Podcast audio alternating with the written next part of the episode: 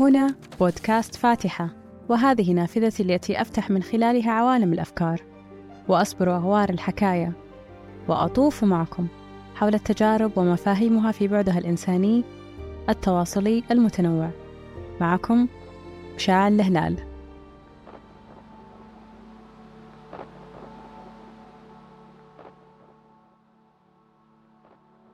توقف عمل فاتحة في شهر يناير 2017 توقفت الكثير من الأشياء معاها.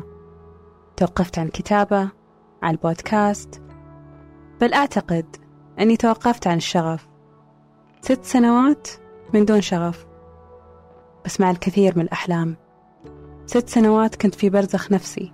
لاني بالسماء ولاني بالأرض. ما أقدر أمشي لقدام ولا أرجع لورا. كنت مكاني تماما. كأني سويت إيقاف لكل شيء في هذه الحياة. اختصرت صداقاتي إلا اللي تحملني في ذلك الوقت. حياتي الاجتماعية بدأت بالتلاشي. ملكة الكتابة اختبأت تحت طاولتي خائفة من الظهور.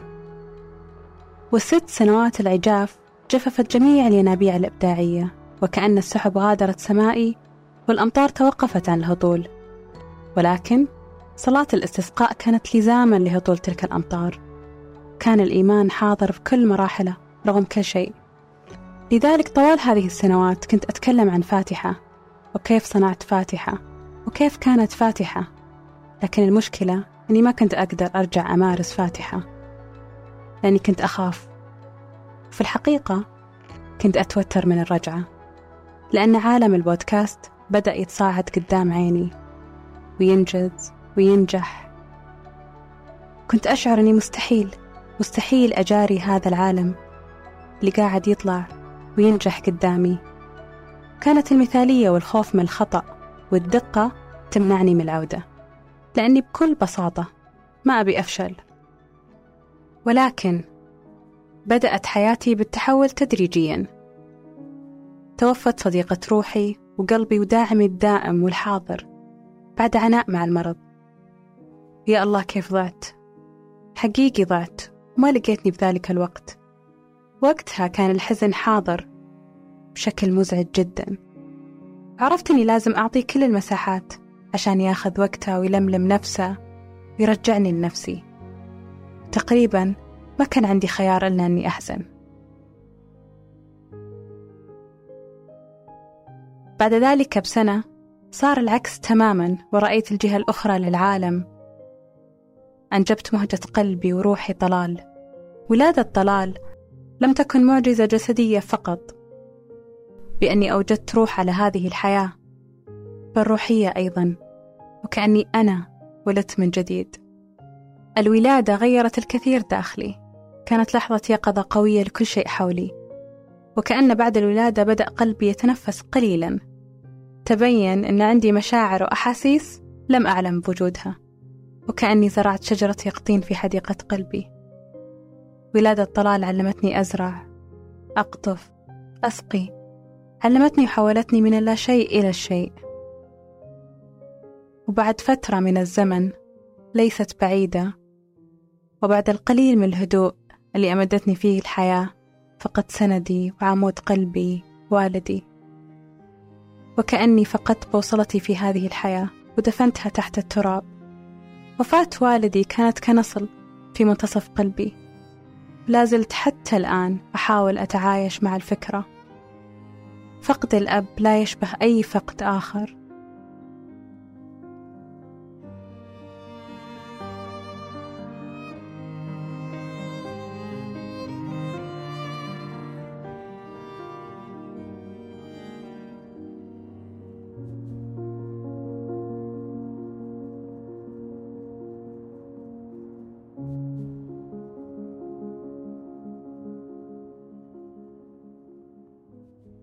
بعد هذه الأحداث وخلال ست سنوات من الاختباء والتأمل والتفكير والأمل والألم والحلم في أحيان كثيرة من الإيمان اكتشفت أن الحياة تتحرك من حولي وأنا أعيش في فراغ.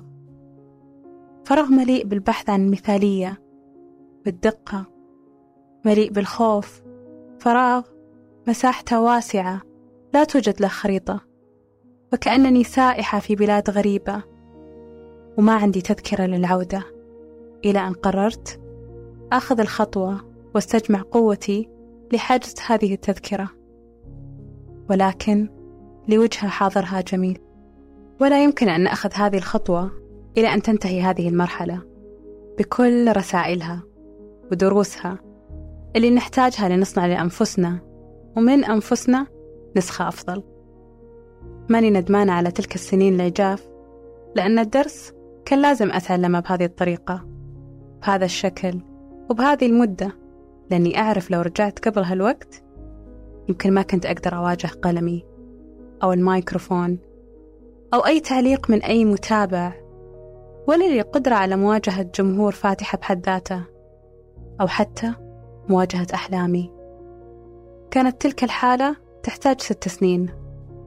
من التأمل والراحة والتفكير العميق. الشعور باللا شيء ومواجهة عالية للنفس والمشاعر ولكن الاستمرار فيها هو اللي أوجعني لأني ما عدت نفسي ما عدت مشاعل كنت أشبه أي شيء إلا نفسي اللي أعرفها. في بداية ما بعد تلك السنوات كنت أسترجع هذه الفترة بوجع أما الحين أتأملها براحة وطمأنينة. تقبلت أن الرحلة ما هي سهلة ولكنها تستحق. طبعا في مثل هذه الرحلات الخسائر قد تكون أكثر من الانتصارات ولكنها من قواعد التغيير. تخسر ناس تكسب ناس تترك مساحة في حياتك للأشياء الجديدة تدخل تصنع منك نسخة جديدة. ما أقول إن هذه الخسارة غير موجعة ولكن التغيير المرعب اللي كان حاصل لي كان يمنع استمرارية بعض العلاقات. يمنع استمرارية بعض الأحداث. حتى كان مانعني إني أتشبث بالنسخة القديمة من نفسي وأبي أقول لأي شخص يمر بهالمرحلة. بشويش على نفسك.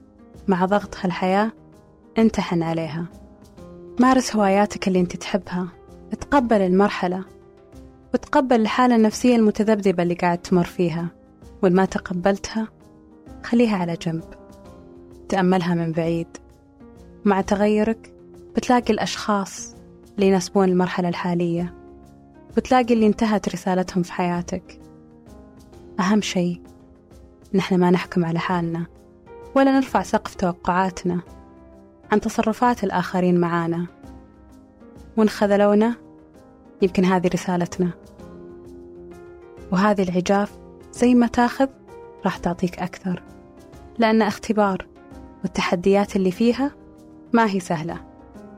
فهي بتعلمنا تعلمنا ننتصر لأنفسنا ولروحنا ولقدراتنا المدفونة بداخلنا. وهذا بصيص النور اللي كنت أشوفه بداخل العتمة. وأخيرا وليس آخرا ما بيقول إني متأكدة من استعدادي الآن للعودة ولكني أبي أرجع.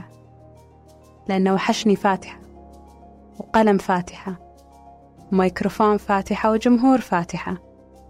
هنا بودكاست فاتحة حيث نؤنسن الأفكار والتجارب الاتصالية المتنوعة من خلالي أنا مشاعل الهلال